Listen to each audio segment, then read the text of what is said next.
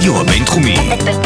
בינתחומי. 106.2 FM. הרדיו הבינתחומי. הרדיו החינוכי של המרכז הבינתחומי. לקום ישראל. 106.2 FM.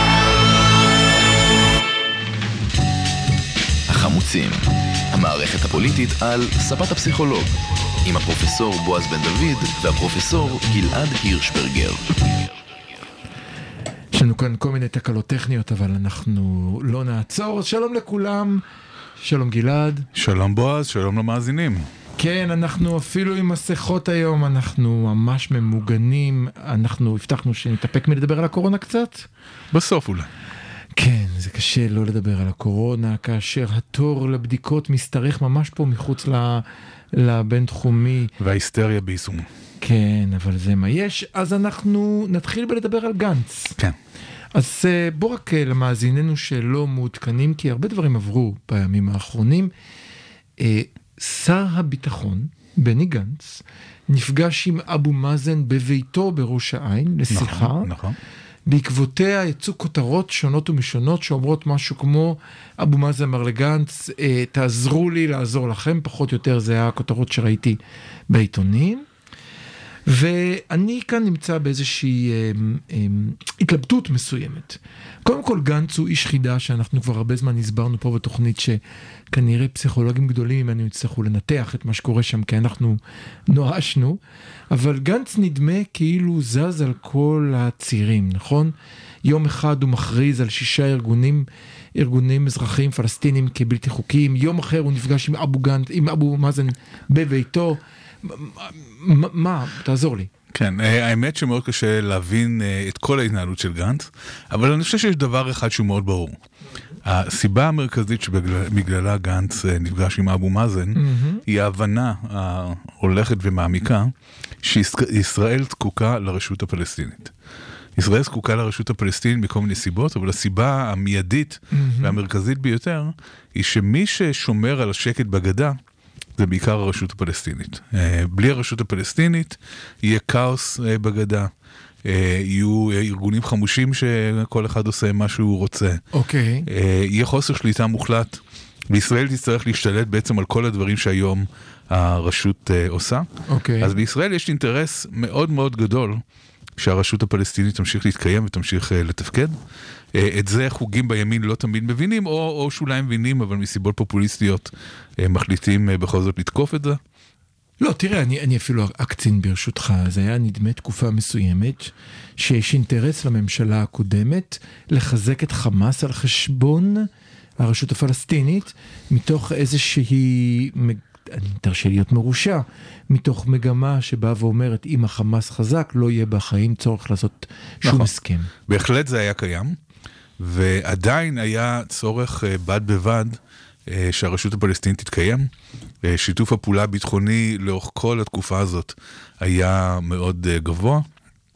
גם הרשות עשתה את זה כמובן לא מתוך ציונות או אהבת ישראל, היא עשתה את זה מתוך ההישרדות שלה, כי גם החמאס גם מאיים עליה בגדה. ו... שותפות של האויב שלך והאויב שלי נכון, וככה הלאה? נכון, היה כאן שותפות של אינטרסים. אוקיי. השותפות הזאת ממשיכה גם היום.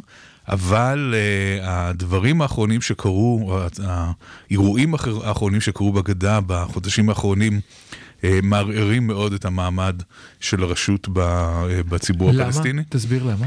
Uh, כל מה שקורה מבחינת, גם מבחינת ההתקפות של uh, מתנחלים mm-hmm. על uh, פלסטינים, וגם מבחינת uh, מה שאמרת קודם, של uh, בנייה uh, נרחבת uh, מתוכננת uh, בגדה.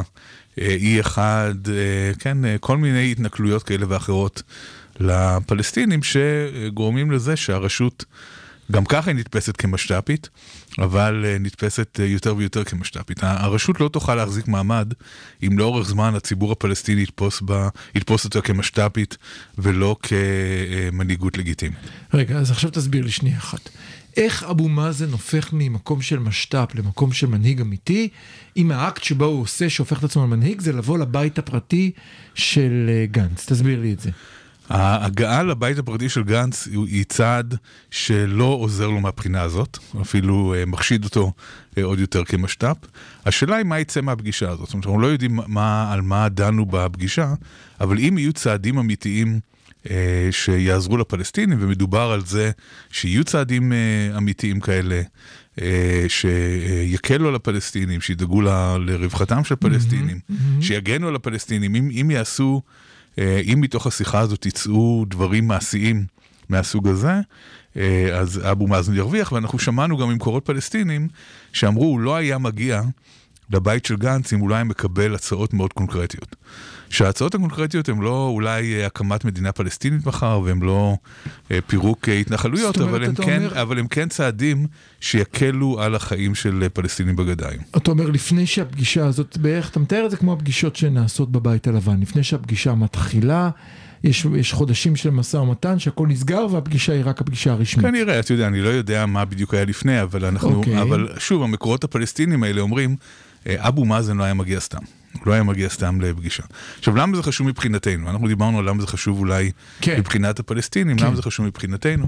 כן. מבחינתנו זה חשוב בגלל שכל המשא ומתן המדיני, או משא ומתן כלשהו, עם הפלסטינים אה, תקוע כבר שנים רבות. אין בעצם מגעים רשמיים לפחות בין אה, ממשלת ישראל לבין הרשות הפלסטינית, שזה מצב שהוא אה, אה, קשה בכלל לתפוס אותו. יש כאן רשות שנמצאת תחת השליטה שלנו. אה, ואין שום משא ומתן אה, איתה, כשבעצם אה, אנחנו כביכול בתוך תהליך שלום שהתחיל ב-93 ונתקע ולא הולך לשום מקום. הצורך בדיאלוג איתם הוא קודם כל ברמה הרחבה יותר של פתרון הסכסוך הישראלי-פלסטיני, אבל גם ברמה היומיומית. זה לא יקרה בשנתיים זה לא הקרובות. יקרה בשנתיים לא הקרובות, אני- כן. כן, זה לא שלוש יקרה וחצי בתקופה. גם נשארנו עד סוף הממשלה הזאתי? כן. זה לא יקרה בשנים הקרובות, אבל, mm-hmm. אבל ניהול הדברים בצורה תקינה. אה, זה ששר ביטחון ישראלי נפגש עם ראש הרשות הפלסטינית צריך להיות משהו טריוויאלי לגמרי, כן? זה צריך להיות משהו שקורה אה, בתדירות אה, גבוהה, כי יש צורך להסדיר הרבה עניינים בין אה, ישראל לבין, ה, לבין הרשות. וכמובן שהאינטרס שלנו בסופו של דבר זה גם מבטיח את הביטחון שלנו, שיהיו קשרים טובים אה, איתם. עכשיו בוא רגע, בוא שנייה, בוא נהיה רגע פסיכולוגים. תהיה רגע פסיכולוג חברתי ננסה, נו. ותעזור לי להבין למה זה כל כך חשוב שהפגישה הייתה בביתו של גנץ. הם יכלו להיפגש בקריה, הם יכלו להיפגש במקום ניטרלי. מה, מה היה החשיבות של המפגש הזה, וכולם ידעו שהוא בא אליו הביתה, ושתו ואכלו, ווטאבר, לא משנה. כן, זאת שאלה מאוד טובה. כן, למה בעצם המפגש הזה היה בבית של אה, גנץ, כשאנחנו יודעים שהבית שלו רוכש בסוכנים אה, איראנים, נכון? אוי, זה נכון, כן, למי ששכח, המנקה שלו ניסה למכור סודות לאיראנים, כן. נכון, דווקא, למה דווקא בחרו את המקום הזה? כן. אה, לא, אני לא חושב שבגלל זה, אני חושב שהמפגש הזה יש לו גם איזשהו ערך סימבולי. אוקיי, שניסו מצד אחד אה, באמת שיהיה מפגש בין גנץ לבין אה, אבו מאזן. מצד שני, אה, לא רצו שזה יהיה במקום שהוא מקום רשמי מדי, כי אז זה גם משרבב את שמו של בנט לכל העניין הזה. זאת אומרת, זה לא מפגש שהוא לגמרי רשמי. זה לא ממשלת ישראל נפגשת עם הרשות הפלסטינית. כי זה הבית הפרטי. ברגע שזה הבית הפרטי, זה הופך את זה למצד אחד, שומרים על כבודו של אבו מאזן. אוקיי. כן, מזמינים אותו לבית הפרטי של גנץ, יש, יש בזה כן. איזשהו אה, כבוד כן. שרוכשים לו. בהחלט. אה, מצד שני, זה לא במקום רשמי, שאז אה, כל אה, ימינה ובנט וכל הגורמים, גורמי הימין בתוך הממשלה יקפצו ויגידו, היי, מה פתאום... אה, אה, יש כאן אה, מפגש עם הרשות הפלסטינית, יש כאן משא ומתן, אה, זה משהו שלא מקובל עלינו. זאת אומרת, זה כן. להיות עם ולהרגיש אה, בלי קצת. כן. אה, ומצד אחד לייצר את, ה, את, את הדיאלוג הזה, אבל מצד שני בלי שזה ייראה כמו משהו רשמי מדי, ו, ובאמת ישר אה, כל גורמי הימין בממשלה התנערו מזה ואמרו, זאת לא המדיניות הרשמית שלנו, זה משהו אחר מה שקרה פה. תכף ניכנס לתגובות כי הן מעניינות, התגובות הפבלוביות שהיו לזה, זה היה מביך קצת משני הצדדים, אבל אני חשבתי על זה, בעצם אין מעון רשמי לשר, לשר הביטחון, אין לו נכון. דיור רשמי, זה לא בלפור, ולבלפור בוודאי כשיושב שם. לבלפור אין אה, דייר כרגע. לא, אבל לא, הוא מקבל שם אורחים, אבל, אבל בנט לא היה מוכן לזה.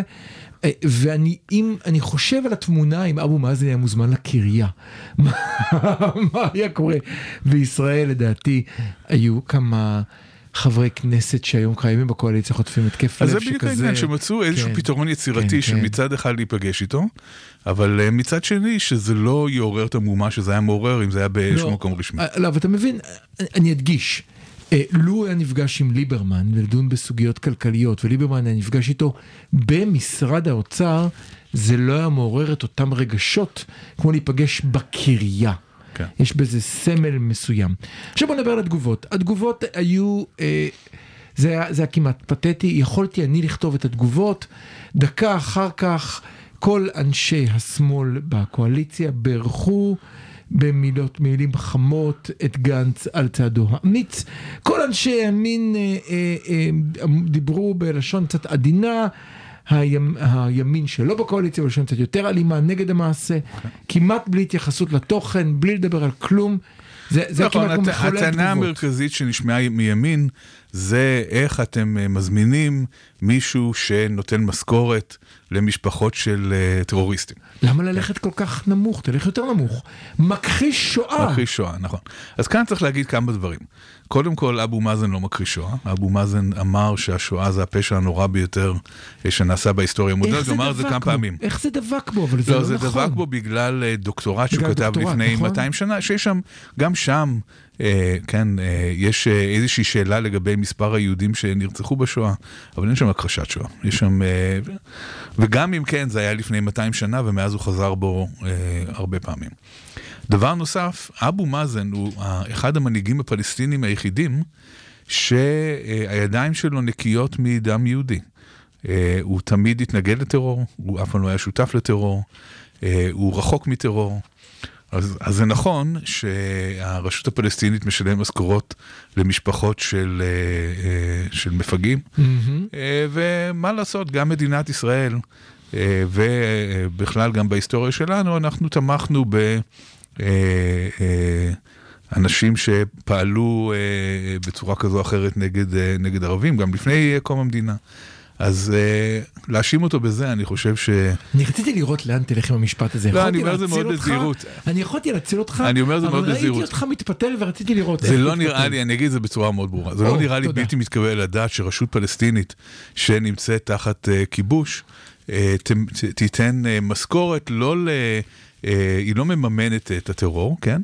אלא בני משפחה של טרוריסטים שיושבים בכלא ולא, ואין מי שיפרנס את המשפחה, היא עוזרת למשפחה הזו, זה לא נראה לי בלתי סביר. אני- כן? אני זה, זה נראה לי ש- משהו שעמים רבים היו אה, נוהגים כמוהם. לפני הקמת המדינה היה גם לזה שם עצורי מלכות כמדומני, ומדינת ישראל, ו, והיישוב היהודי תמך באותם לוחמי הגנה, אצל לח"י אשר ישבו בכלא בבני משפחותיהם, אבל אנחנו לא רוצים לעשות קו השוואה. אין הצדקה לרגע לטרור, בדיוק, אבל אם כבר העלית את. הנושא הזה, כן, תסתכלו בבקשה על מה עשה האצ"ל בשנות ה-30, הטמינו בקבוקי חלב ממולכדים, אה, מקררים ממולכדים, הרגו אזרחים אה, ערבים.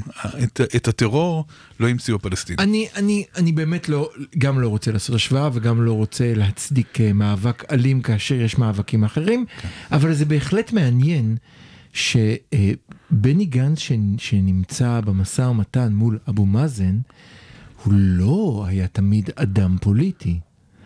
להזכירך, היה את מונה הגופות בקמפיין שלו, שספר כמה ערבים שרקו לו מתחת לרגליים, אם אתה זוכר את המערכון. זה ממש נמצא שם כמה, זאת אומרת, יש כאן מפגש שבו נפגש איש הצבא בעבר, שהוא פוליטיקאי היום, מול הפוליטיקאי שהוא פוליטיקאי כבר uh, יותר שנים מכמה שאפשר לזכור. אחד מהם אולי בדרכו החוצה, שני אף אחד לא יודע מה הוא רוצה לעשות עם עצמו קדימה. אני, אני חושב שדווקא אולי אנחנו כן יודעים, אני חושב שבני גנץ אה, התחיל את הקריירה שלו בתור מין אה, נעבך, שכולם הסתכלו עליו בתור אה, אחד שלא מבין בפוליטיקה אוקיי. ו- ומ- ומתנהל בתמימות, למישהו שעושה הרבה מאוד שיקולים פוליטיים בכל אחד מהצעדים שלו. אני חושב שגם הצעד הזה הוא צעד אה, פוליטי, הוא, הוא מייצב את עצמו בתור המנהיג. זה לא, אה, אה, זה לא בנט שנפגש עם אה, אבו מאזן, כן. ראש מדינה מול ראש אה, רשות, זה הוא. אה, הוא יודע שהצעד הזה הוא צעד שבסך הכל רוב אזרחי ישראל מבינים שהוא חשוב, אז, אז זה גם שם אותו במרכז הבמה, וגם ב- במעשה שהוא אה, פופולרי יחסית. אז, אז, אז גנץ כאן שוקל גם את השיקול הפוליטי שלו, אני מאמין. בקרב המגוחך שהרימה מרב מיכאלי על מי יותר רבין, אני חושב שגנץ מנצח שוב בשני הצעדים. בזה שהוא בועט ימינה ובועט שמאלה ובועט ימינה ובועט שמאלה. בכך אני חושב שבקרב הזה הוא צובר נקודות. נכון. לא, לא רק זה, אתה אומר שהוא, אני רוצה להדגיש את מה שאמרת, בעצם הפגישה הזאתי, הוא מציב את עצמו כראש מדינה מול ראש מדינה. כן, אולי לא ראש מדינה, אבל בתור המנהיג. זאת אומרת, מי המנהיג? אני המנהיג, כן. מי שנפגש איתו זה לא לפיד, מי שנפגש איתו זה לא בנט, מי שנפגש זה גנץ. ו- ובכך הוא אה, מכניס לאנשים לתודעה את הרעיון הזה שהוא המנהיג, ושבנושאים ביטחוניים במיוחד, הוא מטפל. אני אפילו אוסיף עוד ממד אחד, אני חושב שהממד הנוסף הוא כמובן הברית, הוא גם שולח מסר הברית. אם אתם מחפשים לדעת עם מי כדאי לדבר בשביל שיעשה סדר פה, כן. אה, זה הטלפון שלי, אתם מכירים אותו כי האיראנים פרצו אליו כבר, אז קל לכם להשיג את המספר, תתקשרו אליי, אני פה. נכון, אז, אה, אז גנץ בעצם אה, מתחיל לפני שנתיים פלוס ממקום גבוה שרואים בו את התקווה הגדולה, הוא צונח אה, אה, כמעט לקרקעית ב- ב- בכניסה שלו לממשל נתניהו, ועכשיו הוא מתחיל אה, להרים את עצמו מחדש. הוא יודע שגלגל מסתובב והוא מתכוון אה, לטפס למעלה. קודם כל, צריך לזכור שהצניחה שלו הייתה בעיקר בשכונה שלי ושלך, הוא על שמונה מנדטים. כן. זאת אומרת, כמה שהוא צנח, זה, הוא, היה, הוא עבר את מפלגת העבודה, כמה שהוא צנח. כן, אבל הוא היה אלטרנטיבה לראש הממשלה. כמה שהוא צנח זה לא הייתה כמו קדימה שירדה לאפס, לא, ברור, משלושים. נכון. הוא ירד משלושים לשמונה, זה לא רע. לכן יש, לכן. יש אפשרות לשקם אותו עדיין. כן, וכמובן אתה, אתה מתייחס למשפט המפורסם של אריק שרון, זכרו לברכה. כן. חשוב תמיד להישאר על גלגל, פעם אתה למעלה, פעם אתה בדיוק. למטה. אם ירדת מהגלגל לא תוכל לחזור אליו. אחד הלקחים הכי חשובים של הפוליטיקה הישראלית. ועם הלקח הזה אנחנו פורשים לשיר, ואז נחזור לעוד ענייני דיומא. הרדיו הבינתחומי, בינתחומי. 106.2 FM, הרדיו הבינתחומי. החמוצים, המערכת הפוליטית על ספת הפסיכולוג, עם הפרופסור בועז בן דוד והפרופסור גלעד הירשברגר. זו הייתה הפעם הראשונה בתוכנית שלא עצרתי שיר באמצע, אבל את אריק איינשטיין ושיחות דיפלומטיות אני לא יכול לעצור. זה שיר נפלא. אוקיי, אז אנחנו גמרנו מלדבר על גנץ, ואנחנו רוצים לעבור לדבר על הבוט האיראני. קדימה. כן, נתחיל בבוט האיראני ונראה לאן נתגלגל, יש לנו יותר מדי נושאים לדבר עליהם היום. אה, הסיפור של הבוט האיראני, אני מודה שכשקראתי את זה, אני קודם כל צחקתי, לקח לי הרבה זמן להבין שזה רציני ומסוכן. זה היה פשוט משעשע, אני מזכיר לכולם, פייק ריפורטר אה, שהוא אתר עצמאי. אה, בשיתוף עם, אני חושב, ערוץ 2 באותה מקרה, אה, תצאו עם חשיפה מאוד משמעותית, שבה הם הראו שחלק מהמפגינים הבכירים בהפגנות של הביביסטים, אורלי לב וזרקא ועוד, היו ב... לא רק שהם דיברו איתם בטוויטר, זאת אומרת, היה fake user בטוויטר שבעצם היה אה, איש משמרות המהפכה האיראני, הם הגיעו למצב שבו הם בטלפון, זאת אומרת זה כבר היה בוואטסאפ, כבר היה להם אחד לשני את המספר של השני, הם בוואטסאפ שלחו אחד לשני, אה, אורלי לב קיבלה אה, מודעות שנשלחו ישר מאותו פייק איראני, השתמשה בהם, פרסמה אותם. באחת ההפגנות, אני חושב שזו ההפגנה אה, הגדולה מכולן שהייתה בהבימה, כתבו למטה מי התומכים בהפגנה ושניהם הם היו שני הפייק יוזרים האיראנים. זאת אומרת, זה... זה הדבר. הכי יפה בכל הסיפור הזה, כן. היה שהיא אה, באיזשהו שלב התחילה לשים לב שיש המון אה, שגיאות בעברית. כן. ב... והיא, והיא התחילה לתקן, היא אמרה, כן. אה, אתם, משהו כאן מוזר, אתם כותבים בצורה מוזרה. וכאן נשאלת השאלה, כיצד תבחין, אנחנו רוצים כאן עזרה למאזינים, כיצד אה, תבחין בין אה, ביביסט עילג לבין סוכן איראני? לא, אנחנו חייבים, חייבים אה, לשים את זה על השולחן אני- ולדעת. אני חושב שאם מישהו כותב הפגנות זעם, אה, אה, את זוכרת שכתבו הפגנות לא, זעם והיא אה, אמרה, זה נשמע ערבי מדי. אז כאן אה, גייסו לה, לצורך העניין הזה אה, מומחית לאיראן, אה, תמר אילם אה, גינדין, דוקטור תמר אילם גינדין, ש, אה, שדיברה, שקודם כל אני צריך להגיד דבר אחד למען גילוי נאות, היא הייתה לפני הרבה מאוד שנים סטודנטית לתואר ראשון שלי. אה, בחורה מאוד אה, חכמה. כאן אצלנו פה?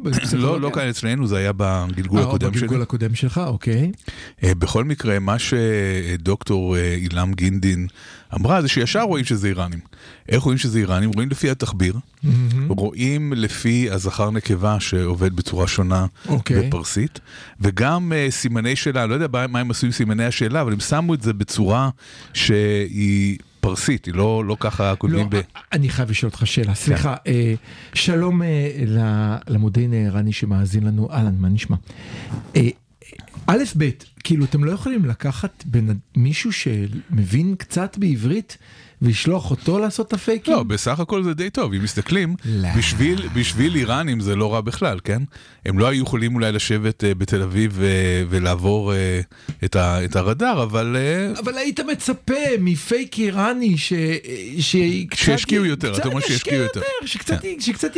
אז לא, כאן יש לנו מזל, וכשירות לציבור, כן. לציבור צריך באמת להבחין בין אה, ביביסט עילג, שזה סיפור אחד, לבין אה, איראני משתדל, אבל לא מספיק יודע לא שזה סיפור. שאנחנו רוצים להכליל, לא כל תומכי ביבי עילגים, לא כאלה לא, לא אמרנו כל, ביבי, אמרנו אלה. שכן, נכון, נכון. כן. אוקיי. אז, אז אה, עכשיו, למה, אה, למה כל הסיפור הזה הוא, הוא מעניין? כאן כן. אתה, אתה יודע, יש כאן הרבה שמחה לאיד אצל שנינו, אבל מוכרחים להגיד משהו ש... אני מודה, אה, אני, אני, אני מודה, אני אגיד לך למה, לא, סליחה, אני אגיד לך למה. אם זה היה קורה אצל פעילי שמאל, זה קורה גם אצל פעילי שמאל. בוא, אני, יש לי חדשות בשבילך. אם היית, אני אוקיי. חוזר בי, כן. אם החשיפה הייתה ש, שבוטים איראנים הפעילו את מוסי רז, אוקיי? לא את מוסי רז, אבל אולי כן, צריך לבדוק, אבל... אה, אה, אה, את- המפגיני בלפור או משהו, כן, אז כאן התשובה היא, שכן, שיהיה לך ברור. אם אוקיי? הייתה חשיפה כזאת, שנייה, תן לי לסיים. אבל יש, פשוט זה, הייתה לא... חשיפה כיו- כזאת? כן, כן. יש, צריך להבין דבר אחד מאוד חשוב בסיפור אני הזה. אשתוק, תמשיך. אנחנו מאוד רוצים להאמין שהאיראנים בעד צד אחד ולא בעד הצד אחר, ולהגיד, אה, לא, "אה, ברור, תראו, שלא, אבל תן לי תראו." לסיים טיעון, תן לי לסיים טיעון, למה אני נהנה? טוב, נו, אוקיי. אני אסיים את הטיעון שלי ואז שלך, למה. אני נהנה מזה? כן. כי כל הזמן הימין, הנאה זה חשוב. הימין, הביב- קודם כל הנאה זה חשוב. תן לי קצת, שמאלני, מה יש לי? קצת לשמוח. כן. ממה כבר יש ליהנות בחיים? חמוץ מתוק, מה כן. עם אגרול? לא כשר. תראה, זה בדיוק חוויה דרך אגב. חמוץ מתוק עם אגרול לא כשר. כי הם כל הזמן מדברים על כך שהביבי ביבי, ביבי והביביסטים חזקים מול איראן, ואתם השמאל משת"פים של האויבים. זה נחמד לראות שהם מופעלים על ידי משמרות המהפכה האיראניות. תן לי את ה... אוקיי, אז עכשיו שנהנית, בואו. בואו נדבר על סיבה שלא, אנחנו לא צריכים לשמוח כל כך ו- וליהנות. מה שבעצם אה, כנראה שהמודיעין האיראני עושה, וזאת המטרה שלו, היא לא לתמוך בביבי, כן. ולא לתמוך בשמאל, ולא לתמוך בצד כזה או אחר בפוליטיקה הישראלית. המטרה שלהם היא לזרוע כאוס. כן. המטרה שלהם היא לגרום לפילוג. המטרה שלהם היא לגרום לזה שהטונים בוויכוח הציבורי בישראל רק ילכו ויעלו כן. ויהיו קיצוניים יותר. ומה שזה אומר, וזה מה שהם עושים, הם משתילים בוטים גם בדגלים השחורים וגם אצל אה, אורלי לב. אבל את הבוט של וגם- הדגלים השחורים עלו עליו, דיווחו עליו, וחסמו אותו. שוב ושוב. אל תהיה כל כך דפנסיבי, מה שחשוב זה להבין מה האיראנים רוצים לעשות, לא מה עשו או לא עשו. אוקיי. מה שהאיראנים רוצים לעשות זה לזרוע כמה שיותר שנאה וכמה שיותר פילוג בחברה. עכשיו, החדשות הטובות הן שזה אומר שאולי חלק גדול ממה שאנחנו שומעים ברשתות, שיח השנאה הזה, הוא בכלל לא נובע מאיתנו. אולי אנחנו לא כל כך מגעילים כמו שנדמה לנו לפעמים, אלא שזה משהו שהאיראנים אה, מלבים. אם ניקח את אורלי לב בעצמה, אוקיי. כן, שהיא באמת דוגמה לגועל אה, יוצא דופן, כי היא אה, מפעילות הליכוד המרכזיות. שאחד הדברים הבאמת הכי מכוערים שהיא עשתה זה אה, בהפגנה מול אה, משפחת פרקש. משפחת, משפחת פרקש, כן, זאת אומרת כל ליבוי השנאה המבחיל הזה שראינו מכל מיני כיוונים, כן. אולי זה בכלל, אה, כן, משהו, מיובא ולא אה, זה- יצור זה, אה, זה מקומי. ספין מעניין, אתה אומר אורלי לב יכול להיות היא בסך הכל אה, אה, מריה תרזה הולכת באמת אה, בל... לא, היא עצמה לא, אבל, אבל, אבל- אבל- מצאו, אבל- אבל... מצאו את מי להפעיל, כן, מצאו, אה, האינטרסים האיראנים התלבשו בדיוק עליה ומצאו את מי להפעיל. כאן אגב, אה, שיטת הפעולה הזאת זו לא שיטה שהאיראנים המציאו. אה, ידוע אה, מאז ומתמיד שהקג"ב בעבר והמודיעין הרוסי היום עושים כן. בדיוק את אותו הדבר, יש אה, גם בארצות הברית. יש אה, חוקרים שטוענים שחלק גדול מה, משיח השנאה בארצות הברית זה משהו שהרוסים מלבים אותו כן. בהתלהבות רבה וגם בעבר, זאת אומרת החל מ, אה, אה, משנות ה-60, המהפכה לזכויות האזרח וכולי, כן. הרוסים תמיד דאגו לשפוך כמה שיותר שמן לתוך המדורה הזאת. אז השיטה הזאת של להחליש חברה על ידי ליבוי שנאה בתוכה, זו שיטה שקיימת במקומות רבים, וצריך להיות ערים לה. צריך להיות ערים לה בשביל להבין שלפעמים הדברים המגעילים שאנחנו רואים ברשת הם לא באמת אה, דברים אה, שנובעים מתוך השיח המקומי, אלא איזשהו ניס- ניסיון לשלהב את הרוחות, והדרך שלנו הט- הטובה ביותר להתמודד עם זה, זה לא להגיב. כן, תראה, אבל אה, אני אגיד לך משהו. אנחנו, לפחות לפי הבנתי, כל הדוחות שיצאו עד עכשיו על הפעילות של הרוסים בארצות הברית, הייתה פעילות שעבדה בצורה מאוד ברורה בעד טראמפ. זאת אומרת, זה לא שהם עבדו גם בעד ברני סנדרס וגם בעד טראמפ, אלא בבירור רואים ויש מסמכים ויש דוחות של ה-FBI שהם פעלו ספציפית למען בחירת טראמפ. בהקשר של טראמפ זה נכון, אם מסתכלים היסטורית, אוקיי. הרוסים לא היו אף פעם בעד או נגד מועמד כזה או אחר, או פוליטיקאי כזה או אחר. אוקיי. הם מצאו איפה אפשר לעשות בלאגן. בגלל שטראמפ ותומכיו הם אה, ממש אה, כמו אה, אוצר בלום של עשיית בלאגן מבחינת הרוסים, אז התלבשו על זה. אוקיי. כן? אבל, אבל זה לא בגלל שמעניין אותם טראמפ יותר מש... זה לא שהם אוהבים את טראמפ או שונאים את טראמפ יותר ממועמד Mm-hmm. אחר, מה שהם רוצים זה לזרוע כאוס. ולזרוע כמה שיותר אה, בלגן ו- ו- אה, וריב ומדון וכל מה שאפשר בתוך החברה, כדי להחליש את החברה. ועל כן אתה חושב שמה שקרה בישראל הוא לא, הוא לא ספציפית לכיוון אחד, אלא מטרתו כל יש הזמן. איזושהי נטייה בישראל לבוא ולהגיד, אה, יש בוטים רוסים אצלכם, זאת אומרת שהרוסים רוצים את גנץ ולא את נתניהו. אה, יש עכשיו את נתניהו, זאת אומרת שהרוסים רוצים, לא, לא הרוסים, סליחה, האיראנים. איראני במקרה שלנו. האיראנים לא רוצים לא את גנץ ולא את נתניהו, זה לא מעניין אותם. כן? הם לא, לא חושבים שמישהו מהם יותר טוב ממישהו אחר. מה שהם רוצים זה את הבלגן ובדיוק את השיח הזה, הם רוצים ללבות את השיח הזה. אז אנחנו לא ניתן להם ללבות את השיח הזה לא כמו, ש... להם. כמו שביקשת, אבל אני מוכרח להגיד שאני מאוד נהניתי. אני מודה, נו מה אתה רוצה? מותר קצת ליהנות. כן. אני, גם, אני גם חושב שניתן לצפות מפעילים מרכזיים לנסות להבין מתי they are duped, מתי מנסים לדפוק אותם ולעבוד עליהם, מתי זה אמיתי. ושוב, אני מצטער שאני חוזר לשם, אבל כאשר היו ניסיונות כאלה אצל הדגלים השחורים, שוב ושוב, הם אלה שפנו לפייק ריפורטר והעבירו להם דיווחים ישירים של מי זה והזהירו אל תקשיבו אל, אל תקשיבו אל. זאת אומרת, היה כאן אם. פרופסור בועז בן דוד לא הבין את הלקח, מה יאמרו הזובי הקיר? אבל אני רוצה ליהנות, מה אכפת לך? לא באתי כן, לפה לסבול. הבנתי שזה השמחה לאיד, אי אפשר לקחת לך אותה.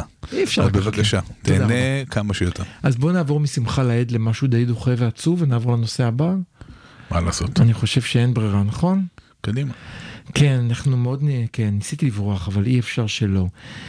אנחנו, אה, שלחת לי ככה וואטסאפ בהתכתבות לפני התוכנית, אמרת לי, איך זה כל פעם מחדש, יש את אותם רבנים שרוצים לחבק את אותם אנסים, להגן עליהם, לשמור עליהם, לשמור על שמם, אה, אה, אסור אחרי המוות להגיד כזה וכזה.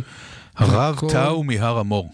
הוא באמת אה, תמיד אה, מדהים אותי מחדש. אבל זה לא רק הוא, סליחה, אם זה רק הרב טאו מהר המור, לא, זה לא רק. הייתי אומר, הרב, אוקיי. הרב טאו הוא בעצם הרב המרכזי של נועם, כן, של אחד, ה, אחד הפלגים בכנסת. החשובים בציונות הדתית, כן, בהחלט. במפלגת הציונות הדתית. בוא נקווה שזה לא אחד הפלגים. מפלגת הציונות לא, הדתית. בוא, בוא, כן. בוא נגן על הציונות הדתית. כן, סליחה. אני מקווה שזה לא פלג חשוב בציונות הדתית, אבל בהחלט פלג משמעותי במפלגת כן. הציונות הדתית, שכונסה לה יחדיו על ידי נתניהו, אני מזכיר לך, פלגים שונים שהתחברו יחד בשביל לעבור את אחוז החסימה. אמ, אבל זה לא רק הוא, אין סליחה. מעשה נבלה שהאיש הזה לא מגן עליו. החל מאלימות של מתנחלים וכלה באונס של... אה, אה, כן, של אה, נערים ונערות, כל, כל דבר כזה ישר יזכה בגיבוי ממנו. תראה, אבל זה גם לא רק קצב הוא. זכה בגיבוי ממנו אגב. זה לא רק הוא. כאשר הרב הראשי בא והולך להלוויה לחלוק כבוד אל אותו אחד, יש בזה אמירה. הרב, הרב הראשי לישראל לא הלך אה, להלוויות אחרות בשנה האחרונה. כשהוא הולך להלוויה יש כאן סמל. וכשהוא הלך להלוויה הזאת זה סמל שהכל בסדר ולא קרה כלום. אחר כך הוא היה צריך להתנצל ולחזור בו, אבל נו באמת. אבל בוא, אני, אני רוצה להגיד משהו אה, נוסף כאן שאני חושב שהוא אוקיי. חשוב. כל הנושא הזה של אה, עבירות מין הוא כמובן לגמרי לא ייחודי לחברה החרדית, הוא לחלוטין. קיים אה, בכל מקום, אנחנו שומעים אה, עכשיו על אה, גניקולוגים שכל פעם אה, נחשפים אה, מחדש כמטרידים את אה, הפציינטיות שלהם, אנחנו אה, שומעים על אה, מורים ועל מרצים ועל אה, אנשים בכל מיני תפקידים שיש להם כוח, אה, שמנצלים את הכוח הזה כדי אה, לפגוע אה, במי שנמצא תחתם, וזה קורה בכל המקומות השונים בחברה, זה לא רק אה, אצל חרדים. מה ההבדל? יש הבדל אחד. יש הבדל. כן, ההבדל הגדול הוא היכולת להתמודד עם זה ולתקן ולפעול כדי שהדברים האלה לא יקרו. וכאן אני כן רוצה לתת, אני כן רוצה להגיד דבר אחד חיובי שקורה בחברה החרדית היום. כן, לך על זה. יש עכשיו איזושהי יוזמה, אה, ומחלקים ממש פל- פליירים בכל הערים החרדיות, ראיתי, ראיתי. ש, אה, אה, ש, שנותנים ממש גיבוי לקורבנות ומדברים על הסוגיות ההלכתיות שה... הרבנים שכן תומכים בוולדן אה, אה, מעלים, אה, ויש, ואלה שמחלקים את הפליירים מדווחים שהם חשבו בהתחלה שהם ייתקלו בהמון התנגדות ובהמון אה, אה, שנאה ודברים מהסוג הזה, ולהפך. הם מקבלים המון המון גיבוי מהקהילה. זאת אומרת, הקהילה החרדית מבינה שיש בעיה, והקהילה החרדית מבינה שצריך לטפל בזה. אני מסכים, קודם כל סליחה, אני רוצה רק לתקן את השם, זה חיים ולדר, אני טעיתי בשם קודם, אה, זכרו לברכה, כן. אה, או, לא זכרו לברכה, אני לא יודע מה אומרים, זכרו. כן, אה, תראה, אין ספק שיש התעוררות היום בחברה החרדית, אבל אני רוצה לתת את הדוגמה של דריגס. אוקיי? אני רוצה לתת את הדוגמה שלו. מדובר בשחקן תיאטרון וקול- וטלוויזיה מאוד מאוד מצליח. חטאו היה לא באונס, לא, לפחות להבנתי, לא במעשה מגונה, אלא בהצהרות פוגעניות, תוקפניות, מגעילות, אה, אה, דוחות ו- ומטרידות. זה היה החטא שלו, לא חטא קל, אבל לא מדובר באונס, לא באונס קטינות, לא באונס אנשים שתחת מרותו, ובכל זאת החברה החילונית הקיאה אותו בצורה מלאה, והוא עכשיו עובד, יצטרך לעבוד קשה מאוד עד שהוא יכול לחזור למקום שבו היה קודם. זאת אומרת, כל החברה אמרה עד כאן, זה לא. נכון. ולא מדובר, שוב, אנחנו לא מדברים פה על, על, על, על... מה שכתוב כאן זה מטורף. יש כאן מסכת שלמה. עם עשרה אחוז מכל מה שנאמר עליו נכון, וכנראה זה ש-99 כמו, אה, זה קצת כמו מטורף. משי זהב, זה קצת כמו סיפור משי זהב. עכשיו מה, אה, אני כן רוצה אה, להאיר את כל הסיפור הזה באיזשהו סוג של אור חיובי. עד כמה שקשה לעשות את זה. לא, אנחנו התחלפנו פה היום לגמרי, אתה כן, חיובי עם הבוט האיראני, אתה חיובי עם זה, רק כן, אני לגמרי, שלילי. לגמרי. זה 2022, זה אז משפיע אתה יכול עליי. לקרוא לזה החמוץ. אז, אה, אז האור החיובי שאני, אה, אני, שוב, זה קצת ספקולטיבי, אבל אני מקווה שיש משהו במה שאני אומר. כן.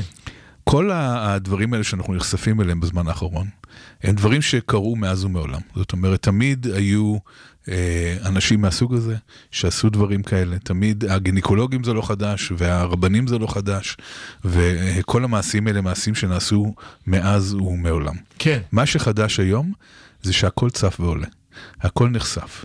אין יותר מחשכים, אין יותר אפשרות שאנשים יעשו דברים כאלה, או יש פחות אפשרות לאט לאט ופחות לאט לאט. פחות. אנחנו אור, אור השמש הכל. הופכת להיות המחטא הגדול. אוקיי. אז מצד אחד אנחנו נמצאים ב- בתקופה שכל, שכל גועל הנפש עולה. הכל צף, הכל נחשף. אוקיי. אבל נקודת האור האופטימית זה שאולי אנחנו באיזושהי תקופה של ניקוי. אולי אנחנו בתקופה שבה אה, באמת הדברים האלה נחשפים. יותר ויותר אנשים מבינים שאי אפשר יותר ככה.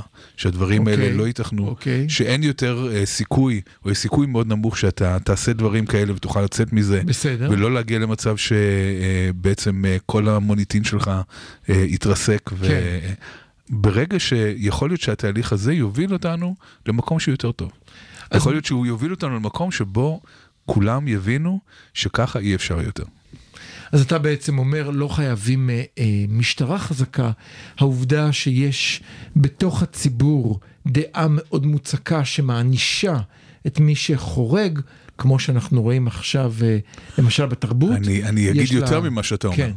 אני חושב שמשטרה היא כמעט לא יעילה נגד דברים כאלה, כי אין מספיק משטרה אף פעם בשביל להתמודד עם כל הדברים האלה שנעשים תמיד במחשכים, שנורא נורא קשה לעלות עליהם. הרגת אותי אבל עכשיו, אתה ברגע, צודק. אבל אה, ברגע, כן. אבל ברגע, שגם דעת הקהל היא מאוד מאוד נגד זה, וגם אנחנו נמצאים היום בעידן שנורא קל, אה, אה, ש- שיחסית קל לחשוף את הדברים האלה. בעבר, שהתקשורת לא הייתה מפותחת כל כך, שלא היה אינטרנט, שלא היו מצלמות, שלא היו... כן.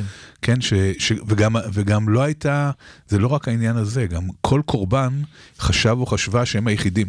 הם לא ידעו שיש mm-hmm. עוד uh, כמותם. מהמם. ברגע שהכל צף ועולה, ברגע שהכל נחשף, היכולת להסתיר הולכת ומצטמצמת. יש פחות ופחות מקומות חשוכים שאפשר להתחבא בהם ולקוות uh, לא להתגלות.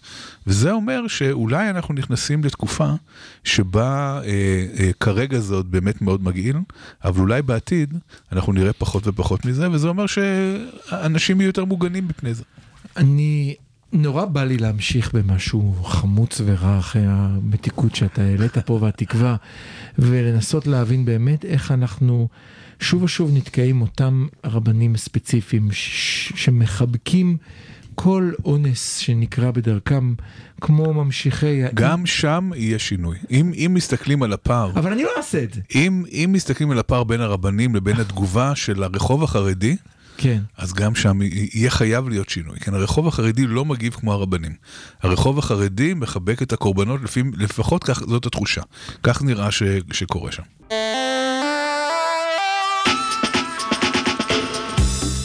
הרדיו הבינתחומי, בינתחומי. 106.2 FM, הרדיו הבינתחומי. החמוצים, המערכת הפוליטית על ספת הפסיכולוג, עם הפרופסור בועז בן דוד והפרופסור גלעד הירשברגר. אז למי שפספס, בשקט בשקט לא מאיר את השכן, הנחש מתקרב, וכשהדוב ישן, הוא לא ידע בכלל איך זה קרה. נשיקת נחש קטנה, לא בכי, לא צעקה. זה היה כמובן אביתר בנאי, ואני מודה לפרופסור שרה בן דוד, אימא שלי, שחוקרת התקפות מיניות ועזרה לי להבין את המילים בגישה הזאת. במעבר חד, או איך שאתה לא תרצה לקרוא לזה, אנחנו נאלצים לדבר על הקורונה. מדבר רע אחד לדבר רע אחר. מאסון לאסון, כן. אה, אנחנו, יש שני נושאים שרצינו לדבר עליהם על הקורונה בזמננו הקצר. אה, הראשון אנחנו מדברים עליו הרבה, אבל אני מרגיש שזה עכשיו אה, עולה. אני ביום שישי ברחתי לשבת באיזה בית קפה בשכונה, בצומת של שני רחובות תל אביבים. במשך שעה ביום שישי ראיתי שתי תאונות מיותרות לחלוטין, סתם במפר טו במפר. יצאו נהגים מהאוטו מלאי חמאה, זעם, פנים אדומות, על, על באמת על... סליחה, לא ראיתי, בוא נמשיך לנסוע, שום שריטה לא הייתה. אמרתי, וואו, כמה זעם, אנשים מסתובבים ברחובות עם איזושהי הרגשה שתכף העולם חרב ועכשיו צריך לעשות דברים, כי, כי אוטוטו לא יודע מה יקרה. ובצדק, כי דברים קורים, לא שאנשים חלילה מתים, אבל הילדים שלך נכנסים לבידוד, אתה נכנס לבידוד, אתה לא יודע מה יהיה מחר, אתה לא יודע מה קורה, טרפת מוחלטת. לגמרי. כן, לגבי התאונות שלך, אני לא בטוח שזה רק, אה, רק הקורונה, יכול להיות שזה גם מצב התחבורה המזעזע בתל אביב. כן, הם, הם בטח, האנשים האלה מחפשים חנייה שעתיים כבר. לא, אבל ו- אתה יודע, אני, אני יושב שם לא מעט בימי שישי לשעה עם, עם שכנים, ועוד לא ראיתי מצב כל כך אלים. לא, אין ספק שכולם אה, נמצאים במתח, והגל החדש הזה מעורר אה, הרבה מאוד חרדות. והוא לא רק מעורר חרדות, הוא משבש חיים. זאת אומרת, מה שקורה עכשיו, זה שכל שנייה אנחנו מקבלים דיווחים שהיינו ליד מישהו מאומת, לא היינו ליד מישהו כן. מאומת, צריך לרוץ לעשות בדיקה כזו, בדיקה אחרת.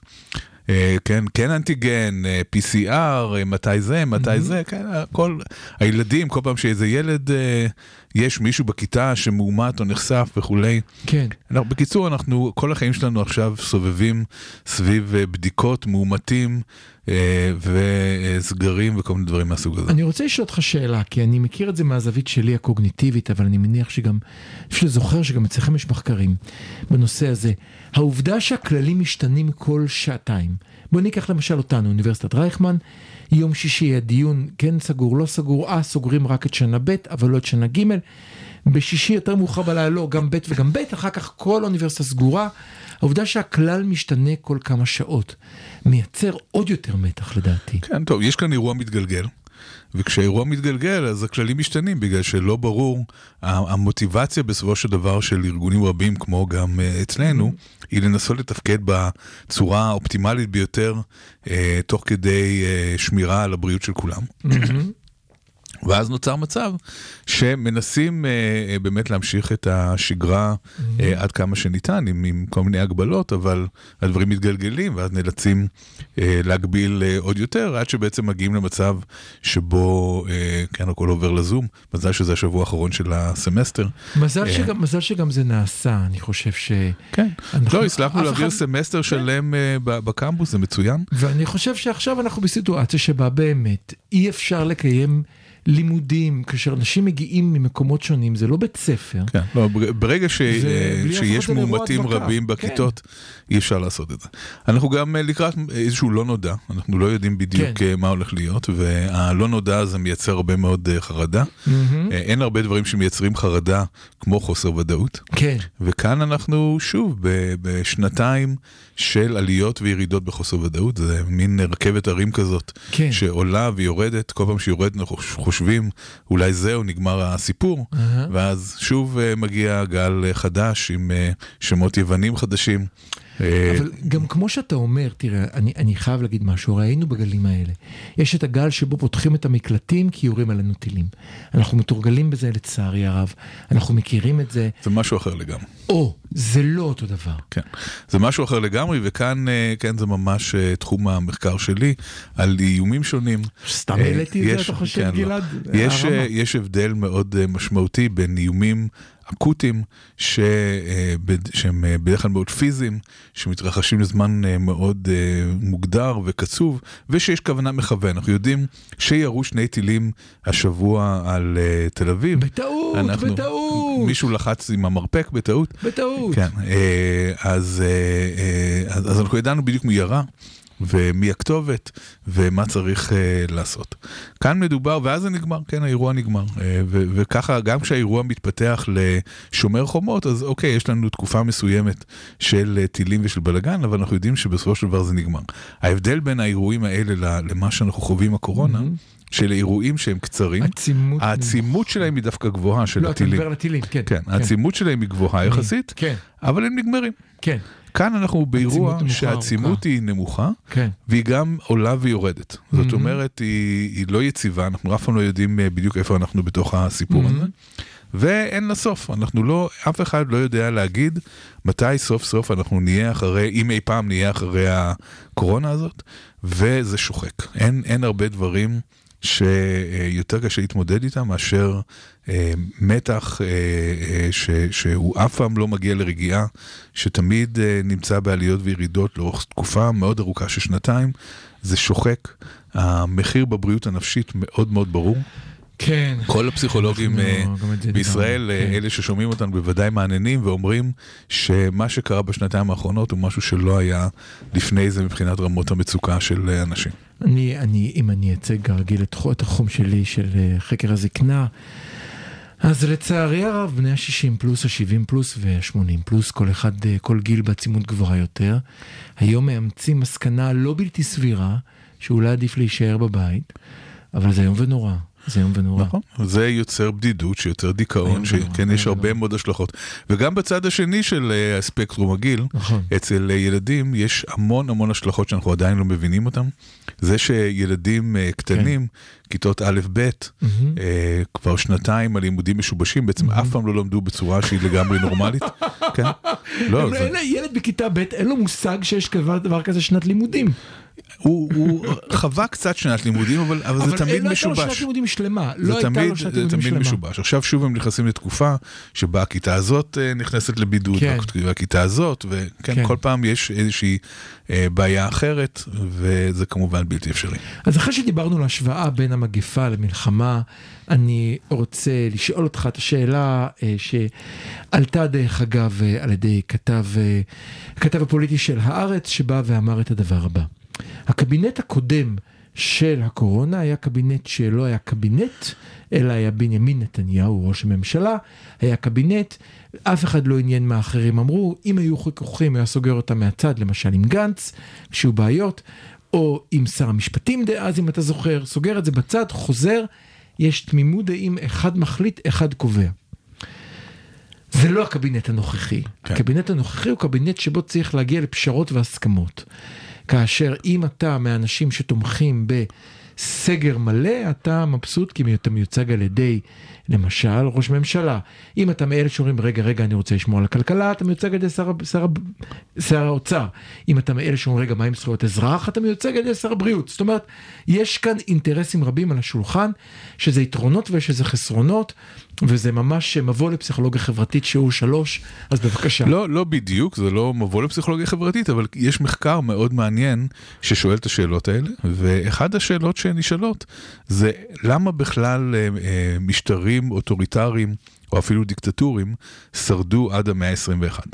זאת אומרת, אם, אוקיי. אה, אם דמוקרטיה זה כזה דבר טוב, ואם אה, לחיות במשטר דמוקרטי זה זה. משאת נפשו של אה, כן. כל אדם שרוצה חופש, למה בעצם עדיין יש כל כך הרבה משטרים שהם לא דמוקרטיים? מהמם. כשמסתכלים על המשטרים הלא דמוקרטיים בעולם, אחד הדברים המעניינים זה שרבים מהמשטרים האלה הם במקומות שחוו אה, טראומות קולקטיביות די משמעותיות, אוקיי. או אירועים אה, אה, מאוד משמעותיים. אוקיי. ואז, ה, ואז ההסבר הוא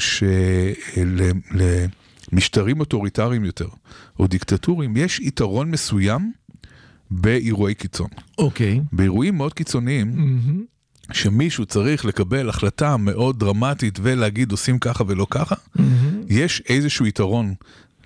במידה כמובן שמי ש- שהדיקטטור הוא דיקטטור אה, סביר שמקבל את ההחלטה הנכונה, זה החיסרון. זה החיסרון, כן, אבל, אבל אם אה, אה, הדיקטטור הזה מקבל איזושהי, לפעמים לקבל החלטה, זה כלשהי, זה יותר טוב מלדחות את אה, קבלת ההחלטה. את כן. זה אגב אמר אה, הגנרל פאטון במלחמת העולם השנייה. הוא אמר, החלטה גרועה שמקבלים עכשיו היא יותר טובה מהחלטה טובה יותר שמקבלים אחר כך, כי לפעמים צריך לחתוך ולקבל החלטה. כן. אז במקרים כאלה, כמו שפאטון התמודד איתם, אה, כן, במקרי אה, קיצון, יש יתרון מסוים למשטרים אוטוריטריים. אוקיי. אז זה, האם זה אומר שאולי אנחנו צריכים להחליף את הדמוקרטיה בדיקטטורה? לא, זה לא אומר את זה, בגלל שרוב החיים שלנו הם לא במצבי קיצון כאלה. אוקיי. ויש גם מחיר מאוד כבד לדיקטטורה. אבל כאן אני יכול להגיד אה, שעשינו אה, מחקר ב-20 ומשהו מדינות ברחבי העולם, חלקם מדינות אה, דמוקרטיות יותר, חלקם אוטוריטריות יותר. כן. ומצאנו בהחלט את היתרונות של המדינות האוטוריטריות. למשל, כשזה מגיע לאמון הציבור בהנהגה, אוקיי. במדינות האוטוריטריות ראינו אמון הרבה יותר גבוה. שכאן אני אומר את זה בהסתייגות מסוימת. כן. נו, ההסתייגות המסוימת היא שיכול להיות שהם פחדו להגיד אחרת בשאלונים, כן? זה גם, זה גם מאוד ייתכן. קודם כל, אבל- גם פחדו להגיד אחרי בשלודים וגם אין להם מי שיציג את הצד השני כי אין אופוזיציה שתדבר. אתה חי בצפון זה קוריאה. נכון, לא, כן, לא, לא בדקנו את צפון קוריאה, אבל אבל- בדקנו את סין למשל, כן? כן. אה, אבל מה שכן אפשר לומר זה שבמקומות האלה הטיפול, אם ניקח את סין בתור דוגמה, או. הטיפול בקורונה בסין הוא טיפול אחר לגמרי מאשר במקומות אחרים. אתה יודע? תספר לי, לא, פרופסור גלעד הירשברגר, כן. האם אתה יכול לחתום לי עכשיו שמספר המתים המדווח מסין נכון? לא. תודה רבה. אבל אני כן יכול- האם אתה יודע, אה, האם יש טענות על, על, על מקרים של אנשים שאני אהיה עדין, שעזרו להם לא להמשיך לחיות ובלבד שלא יפיצו קורונה במקום לעזור להם לחיות. אני לא יודע אם זה נכון או לא. אוקיי. אתה צודק בשאלה שלך, אבל עדיין אה, יש סיבה להאמין שהטיפול שם יותר טוב מכמה בחינות. אנחנו ראינו למשל שבערים הסיניות הגדולות, אחרי הגל הראשון, החזרה לשגרה הייתה מאוד מאוד מהירה. כן? זה היה אחרי, אחרי על סגרים... מסת- על מה אתה רגע, מסתמך? לא, זה אנחנו יודעים. אחרי אה, סגרים מאוד מאוד נוקשים שהיו שם. דבר שני, אני במקרה מכיר כמה דיפלומטים אה, ישראלים בסין, שסיפרו מה קורה שם ומה מה קרה שם ומה קורה שם עד עכשיו. רמת הצייתנות של האזרח כן. הסיני הממוצע היא מאוד מאוד גבוהה. אה, כשהממשלה אומרת שעושים ככה ולא ככה, עושים אחרת, הם עושים בדיוק מה שצריך. למה ו- למה הם למה הם כל כך צייתנים, גלעד? כי הם, למה? הם חיים במשטר שהוא לא דמוקרטי. ומה יקרה אם הם לא יצייתו? בסדר, זה לא משנה, זה לא, ה- זאת לא בוודאי, השאלה. בוודאי שזה משנה, כי אתה אומר, המחיר שאתה מתאר הוא לא מחיר שאני מוכן לשלם, גם במחיר פנדמיה. אני חושב שלא הסברתי את עצמי נכון. אני לא יושב כאן בתור נציג המשטר הסיני אוקיי. שמנסה להפיץ את אה, בשורת הקומוניזם בעולם, לא, בהחלט לא. אני אה, חושב שמשטרים אוטוריטריים בסופו של דבר הם הרבה פחות אה, טובים, בטח לאיכות החיים, אבל גם מהרבה בחינות אחרות לאזרח.